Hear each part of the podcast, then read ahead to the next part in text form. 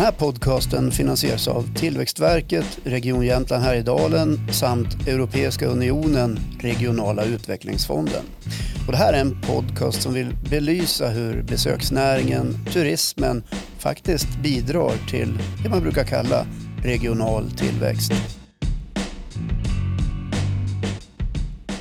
Då ska vi säga tjenare och välkommen till eh, Trine Amundsen. Hallå där! Ja, men hej! Hur är läget?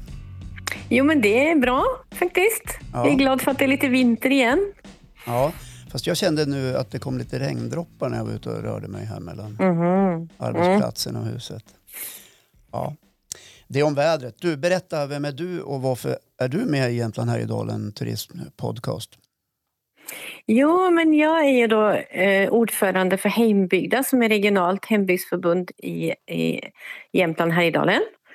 Eh, och, eh, och jag är också engagerad i ett stort eh, nystartsprojekt inom Sveriges hembygdsförbund eh, eh, som handlar om kulturarvet som besöksmål. Åh, vad spännande. Kulturarvet som besöksmål. Och det var väl det här du fastnade för, Martin? Ja, precis. Jag tycker det ska bli jätteintressant att höra lite grann om, om själva, ja, men hur tanken är med att starta upp kulturarvet och få det till ett besöksmål. Mm. Om man startar i änden kulturarv, Trine, vad är det för någonting egentligen? Ja, precis. Det är ju frågan. Men kulturarvet är ju eh, allting som, som vi som människor har påverkat på något sätt. Alltså det handlar ju både om eh, alltså, saker och ting som, är, är, som vi har tillverkat och gjort och jobbat med men också om traditioner, kultur, berättelser, egentligen liksom allt det som vi har med oss. Och, eh, och det förändras ju ständigt, det läggs ju liksom hela tiden på nya saker.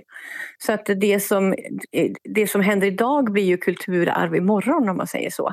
Så att det är ständigt förändligt och handlar om ja, egentligen allt som vi har med oss i våra ryggsäckar.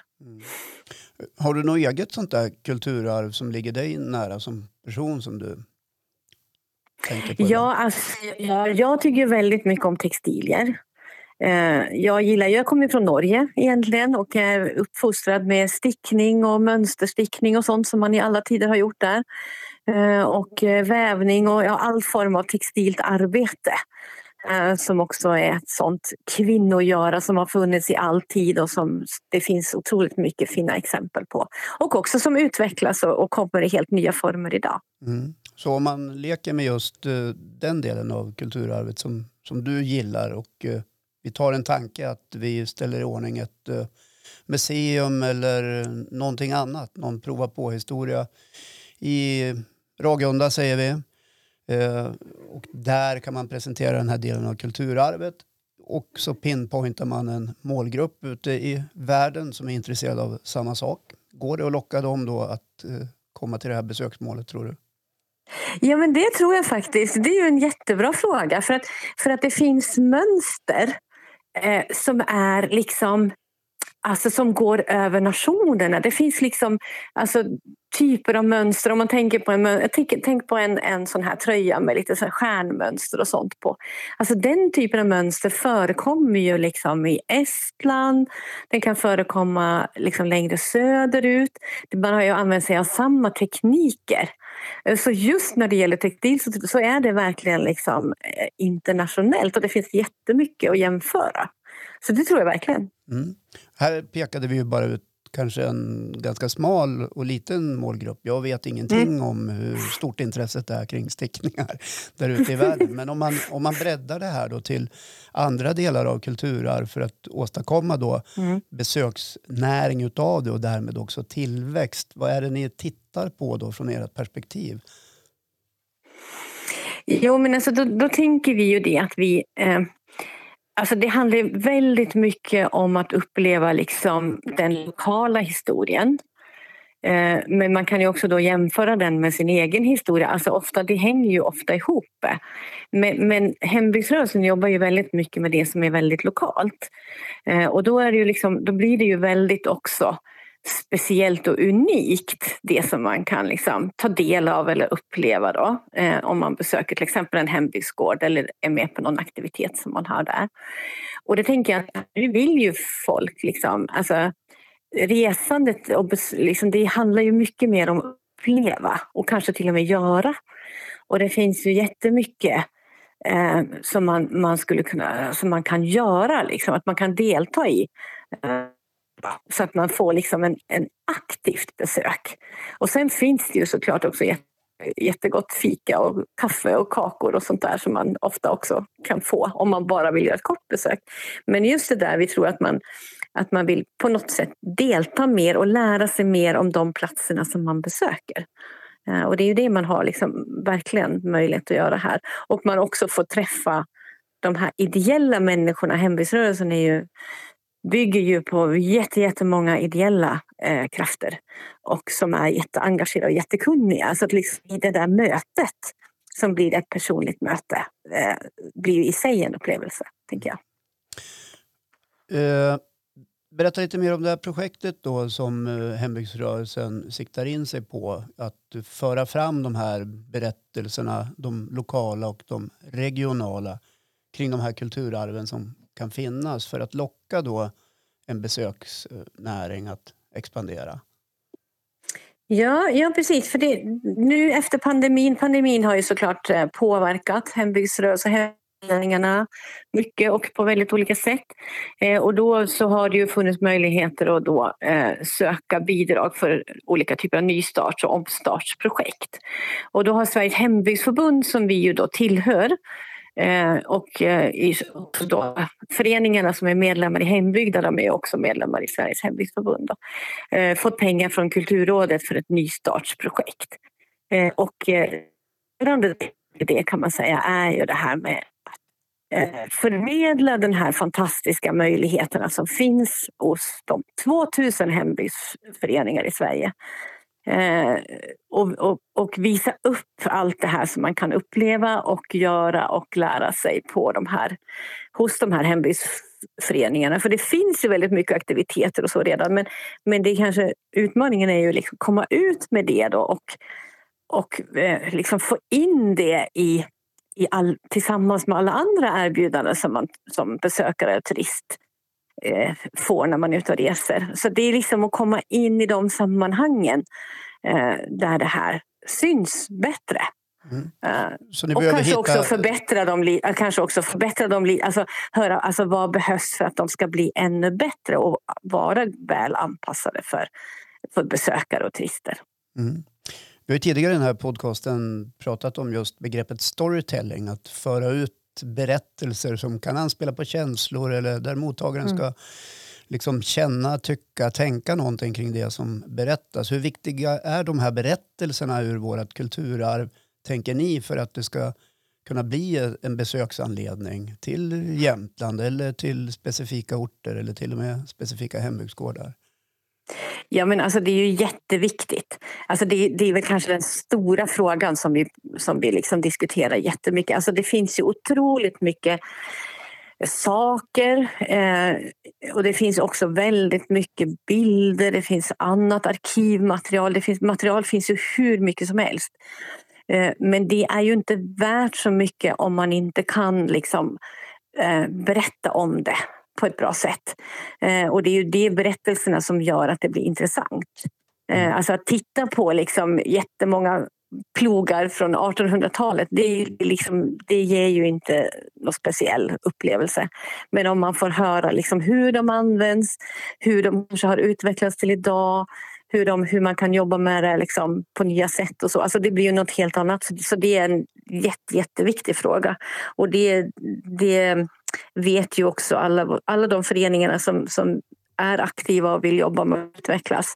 De pratar ju om att det, det vi måste liksom lära oss det är att kunna alltså, berätta historierna. Vi måste, de kan ofta, vet ju, liksom, men också att kunna berätta det Eh, är jätte, jätteviktigt. Mm. Hur ska det gå tillväga då, tänker du, för att få ut de här berättelserna? Ja, nej men alltså det, det, det, det handlar ju såklart om att också, också våga göra... Alltså egentligen handlar det om, om kurser, utbildningar, webbinarier och träna skulle jag vilja säga. För att eh, eh, de jobbar ju väldigt mycket med att leta efter historierna redan. Eh, men det är att översätta det till att berätta. Eh, som är, eh, som, och det handlar ju jättemycket om att träna och våga. Eh, och också kanske lära sig lite tips eh, så, hur man ska göra det på ett bra sätt. Då. För det handlar ju såklart inte, när vi pratar om att berätta så handlar det inte bara om att jag ska stå och prata. Utan det handlar ju om att man kan också berätta genom att eh, eh, har någon sån här, ja men en guidad tur där man har inspelat kanske olika stationer. Det handlar ju också om att skriva kanske material också. Nu har du nämnt allt utom podcast. Som är också en jättebra, jättebra grej. Och jag, jag tror att det är en, en hembygdsförening i Sverige som har en egen podcast faktiskt. Och det är en jättespännande uh, att titta på det tycker jag. Ja. Martin vinkar här och vill komma in lite grann. Ja, men jag tänker att kulturarvet är ju så otroligt mycket material och historiskt bakåt i tiden hur långt som helst. Och jag är lite, lite fundersam på hur går ni tillväga när ni samlar in data och hur liksom avgränsar ni till vad som är intressant och inte intressant. Jag tänker att det måste finnas en uppsjö någonstans så, mm. så uh, då måste man dra en gräns så att det inte blir liksom alldeles för massivt. Ja, och det där är också en diskussion som pågår. Alltså, eh, och, och, och, den pågår ju också utifrån det att man har, när det gäller saker, då, då har man ju samlat och det är ganska eh, det är inte så väldigt liksom variation i det man har samlat kanske utan, utan det är mycket liksom från äldre jordbrukssamhälle kanske. Eh, och, och det där är ju Alltså, det är ju inte precis som jag sa så är ju kulturarvet ständigt förändligt. Så att man måste ju också samla saker eller då som är liksom nyare. Och, och, det var ju någon som sa att man kanske ska liksom lägga en rulle med plastpåsar på, på lut nu då. För att om 50 år så vet man inte vad plastpåsar är. Alltså, och det här är ju en jätteutmaning då. Att man liksom det, samlingarna ökar ju hela tiden och den diskussionen pågår ju nu. Alltså vad är det man egentligen ska samla? Och hur framförallt, hur ska vi hålla ordning på det? Eh, och, eh, och som också det här nästa, alltså hur ska vi använda det sen då för att visa upp det? För det är ju liksom alla de här stegen. Vi ska ju både, både liksom vårda, eh, och sen så ska vi visa och sen så ska det också utvecklas. Eh, så att det pågår en stor diskussion, eh, speciellt när det gäller saker nu då, för det blir ju som en fysisk begränsning hur mycket man kan ha. Alltså, ja, och vad har, vad har man för ansvar i det? Det är ju ideell verksamhet eh, i hembygdsföreningarna. Och eh, vad ska vi spara och vad ska vi inte spara? Det har ju i alla fall tidigare liksom också donerats hela samlingar och sådana här saker. Måste man ta emot? Ja, det är, en, det, är en, det är en eh, jätteviktig fråga framöver för att liksom få till det så att det blir rim, ett rimligt arbete. Eh, när det gäller mera sånt här alltså bilder och, och, dokument och sånt så då handlar det ju väldigt mycket, det är lite enklare att förvara. Men där handlar det ju såklart om det här med digitalisering nu och eh, så att man eh, hittar bra sätt att spara det. Då. Eh, Eh, så det är ju mycket sånt arbete som görs i hembygdsföreningarna och som inte syns överhuvudtaget. Det är ju liksom det här bakomliggande arbetet och det, det är ju där man lägger mycket, mycket tid och stort glädje och engagemang skulle jag vilja säga i, i det arbetet. Men som också har sina utmaningar, helt klart. Är eh, projektet, är det, eh, hur länge pågår och är det tänkt som en uppstart på att kunna kommersialisera mer på, på hembygdsgårdar så att man liksom går från det här ideella till att faktiskt börja se sig själv som en professionell besöksnärings eh, eller besöksanledning eller vad, vad är tanken där? Ja, jo, men det är ju precis tanken och det här blir ju såklart, alltså det är ju helt valfritt för hembygdsföreningarna om de vill vill liksom starta på den vandringen. Eh, men, men absolut är det så att man eh, ska bli mer professionell eh, och då kanske också kunna liksom få lite mera inkomster. Det kostar också ganska mycket. De som har hembygdsgårdar har ju det är kostsamt att ha dem också. Så att, det är som tanken och att man, och man, att man i det går igenom både jobbar med marknadsföring, man jobbar med prissättning, man tittar på liksom, eh, vad man kan tillföra liksom, till besöksnäringen lokalt och regionalt. Mm. Och så. så det är precis det som är meningen. Och, det, och vi liksom kopplar på, man får liksom anmäla sig som förening då eh, och då kan man få handledarstöd och så för att liksom gå igenom de aktiviteter eller den typen av liksom, ja, upplevelser eller vad man vill och så liksom verkligen gå igenom dem med professionell hjälp så att det kan bli liksom, man kan snäppa upp det lite ännu bättre. Vart hittar ni goda exempel, inspiration och influenser ifrån? Ja, alltså det finns ju jättemånga. Som jag sa då så, var det ju, så är det ju 2005 hembygdsföreningar i Sveriges hembygdsförbund. Eh, och det finns ju liksom massa olika exempel på bra saker som man kan göra. Och vi har ju då eh, erfarenhetsgrupper och Facebookgrupper och så. Och samtidigt så har vi också en, en hembygdsportal där, vi, där det läggs mycket arrangemang eh, där man kan också gå in och titta. Då. Sen har ju vi regionalt ett jättetrevligt samarbete kring eh, pilgrims, alltså Sankt Olofsleden. Eh, där vi jobbar tillsammans med föreningar i Medelpad till exempel. Då. Eh, hur man kan liksom och liksom erbjudanden kopplat till, till Sankt Olofsleden. Eh, och där är vi ju ihopkopplade med de projekten också som, som är kopplade till det. Då. Och det är ju jättebra. Då har vi jätte, något jättegott exempel, Borgsjö till exempel, som har jobbat väldigt bra med detta. Så det finns väldigt mycket goda exempel som man kan titta på. Och det är ju en av också uppgifterna i den här satsningen, att föra ihop eh, föreningar, inte bara liksom inom regionen, för vi träffas ju liksom ibland, men även liksom det kan ju vara nu med de digitala möjligheterna så kan man ju träffa föreningar i Skåne och höra hur de gör och det är ju en jättepositiv utveckling. Mm. Just Sankt Olofsleden är det ju inte bara ni som är inblandade i, ni kanske samverkar med kommuner och Jajamän. Ja. Ja, vi, samlar, vi samverkar ju med det stora projektet som eh, kommunerna är inblandade i. Ja. Mm. Jag står och tänker på en specifik eh, historia som kanske är ganska konkret. Och det är tillbaks till Ragunda och dina hemtrakter, Martin. Ja. Eh, och eh, berättelsen om eh, vildhussen och eh, döda fallet och hela den historien som, som jag står här och känner blir väldigt konkret i ett sånt här sammanhang. Där mm. det också liksom som ett bra exempel peka ut att mm. det blir faktiskt en besöksanledning och det är en häftig historia. Ja, ni behöver inte hålla med, men... Jo, men jag håller med. Absolut. Det var ju ett av mina såna här äh, jättefina exempel som jag tycker är... Jag tycker det är jättespännande. Jag är ganska, gillar ju sån här industrihistoria och så. Äh, och de här...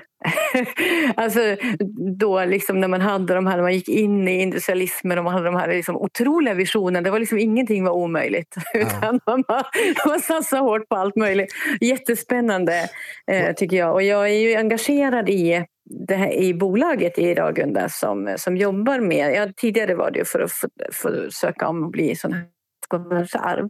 Och nu handlar det om att söka om att bli geopark och jag sitter med för Jämtlands del i det bolaget.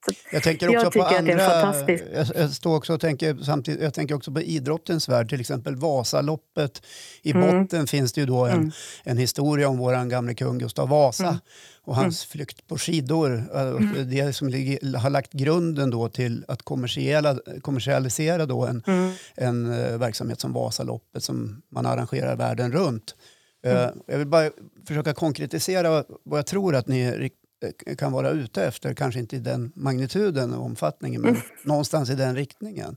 Ja, men absolut. Och det är, och det är ju liksom, alltså nu, vi känner ju också att vi är att det är rätt i tiden. För att det här med intresset för ja, men både alltså, naturmiljöer och kulturmiljöer och vandringar och, och, och allt det där så är det på något sätt nu vi ska satsa.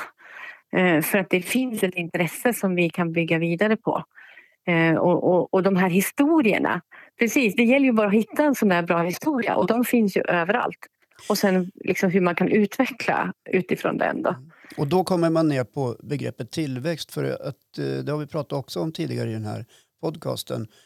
Hur kanske en liten kommun eller liten ort eller vad man nu kallar det kan dra nytta av de här berättelserna och kanske få ordning på ett besöksmål och därmed också få inflyttning och viss tillväxt, eh, tillväxt på mm. orten. Mm. Ja men absolut och jag tänker också att det, eh, det finns en annan faktor med hembygdsrörelsen också. Jag sa ju inte det men vi är ju, vi är som 72 föreningar i, i regionen här och vi har 10 000 medlemmar och det finns ju en hembygdsförening i nästan Alltså, eh, det, är, alltså det är väldigt lokalt och, det, och också ha det att det kan fungera som en mötesplats. Eh, och en, där om det kommer nya eh, invånare och så att man kan liksom jobba mycket bättre på det och vara välkomnande och att det finns någonstans där man kan mötas. Det blir som en extra eh, eh grej som vi kan liksom jobba med. Eh, och jag tror också det här med att man att vid de sakerna som, som vi kan erbjuda eh, i hembygdsrörelsen. Det blir som ett jättefint komplement till många andra eh, företags erbjudanden. Så det är ju liksom det som är syftet, ju, att man lägger ihop flera delar och så blir det mycket bättre än summan. Men just det, hade väl jag en fundering på eh, just det där med åldersspektrumet på kunder eller liksom personer som är engagerade i hembygdsföreningar. En eh, nidbild kan ju vara att det är mycket äldre som är engagerade, och att det är liksom många gamla traditionella eh, saker och eh, grejer man sysslar med, att man har svårt att engagera yngre. Men, men hur är, det är ju liksom bara en uppfattning. Men hur är det? Är det, är det engagerar ni väldigt många yngre? Ni pratar om nyanlända, att det blir mötesplats för hela samhället. Hur, hur är det nu och hur hoppas ni att det ska bli efter projektet eller framöver? Ja, nej men alltså, ja, du, du har ju såklart rätt i det att de som är engagerade i föreningarna är ju ganska många äldre. Eh, och, eh, men vi jobbar ju väldigt mycket på att liksom öppna upp eh, och försöka få med yngre och i några föreningar så har vi ju här i vår region så har vi ju haft liksom byte då så att det har kommit yngre. Sen är det ju så att man, det här ideella engagemanget har man ju olika möjlighet till i olika skeden i livet tänker jag. Eh, så att det behöver inte vara dåligt att det är äldre som, som liksom är engagerade i det utan de gör ju ett jätte, jättebra jobb och har möjligheten också. Men vi vill ju jättegärna ha med flera yngre och att vi försöker ju också göra aktiviteter som ska locka alla åldersgrupper och speciellt jobbar vi också med aktiviteter för barn och unga. Eh, och, eh, och där har ju vi haft ett regionalt projekt här, här i Jämtland som nu har blivit ett nationellt projekt Just eh, för att liksom hur, hur ökar vi liksom intresset bland alla målgrupper egentligen för hembygdsrörelsen. Man måste ju inte sitta i styrelsen och jobba jättemycket. Man kan ju vara medlem och kanske vara med på några aktiviteter eller liksom också fixa med några aktiviteter. Jag vet i höstas var det ju flera hembygdsföreningar som hade såna här spökvandringar och sånt på, på när det var halloween. Eh, och det är ju en sån där som är roligt för barn och unga och, och så så det, det jobbas mycket på att, eh, att eh, försöka locka olika målgrupper. Och när det gäller besöksmål så är ju liksom barnfamiljer eller familjer med flera generationer är ju liksom den huvudsakliga målgruppen. Mm. Alltså, jag står och tänker lite grann på när ni gör ett sånt här projekt och ni pratar om att det ska bli mer kommersiellt. Ja, men då kanske det blir ett verktyg eh, för att också locka lite yngre målgrupper att jobba med era frågor och och er verksamhet. Ja, men exakt. För att det kanske mm, kan exakt. ge utrymme till anställningar och, och, och annat ja. än, än bara ja. ideella krafter. Det är absolut den här möjligheten med att man kan eh, då kanske ta mer hjälp på, om man har kaféservering, man kan ha mer öppet. Eh, en del föreningar har ju såna här eh, kommunala ungdomsarbetare som jobbar hos sig. Och några har ju också utarrenderat sina, sin kaféverksamhet till en professionell företagare Eh, om man har liksom många besökare och stor verksamhet. Då. Så att, eh, eh, jag tror att det är jättebra för det är klart att det är väldigt tungt att driva till exempel ett sommarkafé eh, med mycket öppet under hela sommaren. Och det har ju visat sig speciellt nu under pandemin också att det, då har det ju, det är ju många som inte haft möjlighet att ha öppet på samma sätt som tidigare.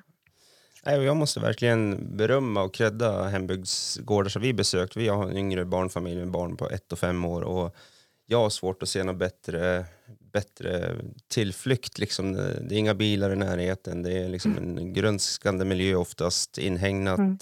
Eh, stora ytor att leka på, oftast barnvänligt. Så jag tycker verkligen att det är en, ett bra besöksmål för barnfamiljer och säkert för flera generationer. Får, får du en dos kulturarv också när du är ute på den där turnén Martin? Ja, det är väl mest vad man äter då. Men det finns ju alltid mm. någon klassisk macka eller något sånt där som ja, man ja. försöker smälla i sig. Ja, men det är också en del av kulturarvet. Ja. Det kanske har funnits där i hundratals år. Annars så är det väl mest mm. att jaga barn som, eh, så att jag hinner inte inte riktigt insupa den kulturarvet. Ja. Men det kommer senare i livet. Någonstans, det kommer senare, ja. Det, alltså, det låter lite grann som att ni vill eh, om du förstår mina begrepp här nu, att liksom spränga väggarna till hembygdsgården och öppna upp lite mer och locka bort eh, det som pågår innanför väggarna och verkligen komma ut med det riktigt ordentligt. Ja, precis. Det är en helt rätt analys. Tack. du, eh, Tror du och ni då att det kan på allvar eh, skapa en regional tillväxt om ni lyckas hela vägen? Ja, att, att vi själva ska skapa den är väl, men att vi kan bidra till det, det tror jag absolut. Eh, verkligen. Och, och, och, det handlar ju både om, om liksom att man, vad vi kan erbjuda men kanske också om det här med ett ideellt engagemang och civilsamhället och vad man kan åstadkomma. Och att det, jag menar, det är också en uppfattning om en region är ju också att den ska vara liksom trevlig att bo och verka i. Mm. Och det är också en jätteviktig faktor tänker jag och där kan vi absolut bidra och att det finns intressanta saker att göra och att det finns eh, ett, ett levande lokalsamhälle. Jag måste fråga dig när du ändå är med, Trine Amundsen. Mm. Du har ju ett sånt där mm. efternamn som gör att man hajar till. Uh, är du släkt med den här upptäcktsresanden Amundsen? Nej, jag är ju tyvärr inte det. Åh, vilken men, men... bra historia du hade haft annars. Ja, vilket kulturarv du hade burit på. Ja, precis. Men jag kan ju allt om, om honom å andra sidan. Då. Det var en av mina stora intressen. Ja. Men, men det är också bra att ha ett sånt namn för det är ju precis du att de flesta hajar ju i alla fall till och glömmer inte bort den direkt då, utan att man kommer ihåg det. Ja. Jag antar att du har fått frågan en miljon gånger ungefär. Ja. ja. Hörru du, när vi mm, har med gäster i den här podden och pratar om det här ämnet så brukar vi också be dem eh, pinpointa något sånt där litet, eh, någon liten pärla man kanske har som eget besöksmål eller du får säga kulturarv också. Mm. Eh, här ute i, i vår region där vi bor eller någon annanstans dit du, dit du gärna tar din tillflykt. Mm. Vad, vad kan det vara? Ja, jag tycker det är svårt för jag tycker att det är så väldigt många fina ställen. Eh, men ja, jag tycker Döda fallet bland annat som vi pratade om förut är ett fantastiskt spännande ställe. Eh, men sen kan jag också tycka att Fäbovägen eh, är jättefint. Det är liksom fint för att det är fina kulturmiljöer, det är en vacker natur och det finns ju god mat i anknytning till den som man kan liksom njuta av och så. Så det tycker jag också är ett jättefint ställe faktiskt. Det har vi varit ganska mycket. Precis, om jag ska ta någonting när, som är nära där jag bor, jag bor i Östersund, så är ju Andersön tycker jag jättefint. Ja. Två intressanta ställen. Fäbodvägen den startar och slutar beroende på vart man börjar någonstans såklart. Men om du kommer från Östersundshållet, var, var startar den någonstans? Ja, Persåsen. Ja, just det. Och så går den upp över Ja, då kan man ju börja i Persåsen och så kan man ju liksom äta lite gott där och så, kan man, och så går den ju upp över fjället och så kan man ju svänga ända upp till Glen där om man vill och äta gott även i den änden. Mm. Så kan man plocka hjortron man vill på vägen och många fina, fina miljöer. Väldigt, ja, jag tycker det är väldigt fint. Trevligt. Ja, vad mysigt det låter. Mm. Ja. Ja. Då hoppas vi att många besöker hembygdsföreningarna och att projektet lyckas. Ja, precis. Det hoppas vi verkligen. att ni lyckas få mm. ut berättelserna om våra gemensamma kulturarv. Ja, precis. Tack så mycket Trine Amundsen för att du ville vara med i Jämtland Härjedalen Turisms podcast. Mm, tack så jättemycket. Ha det så bra.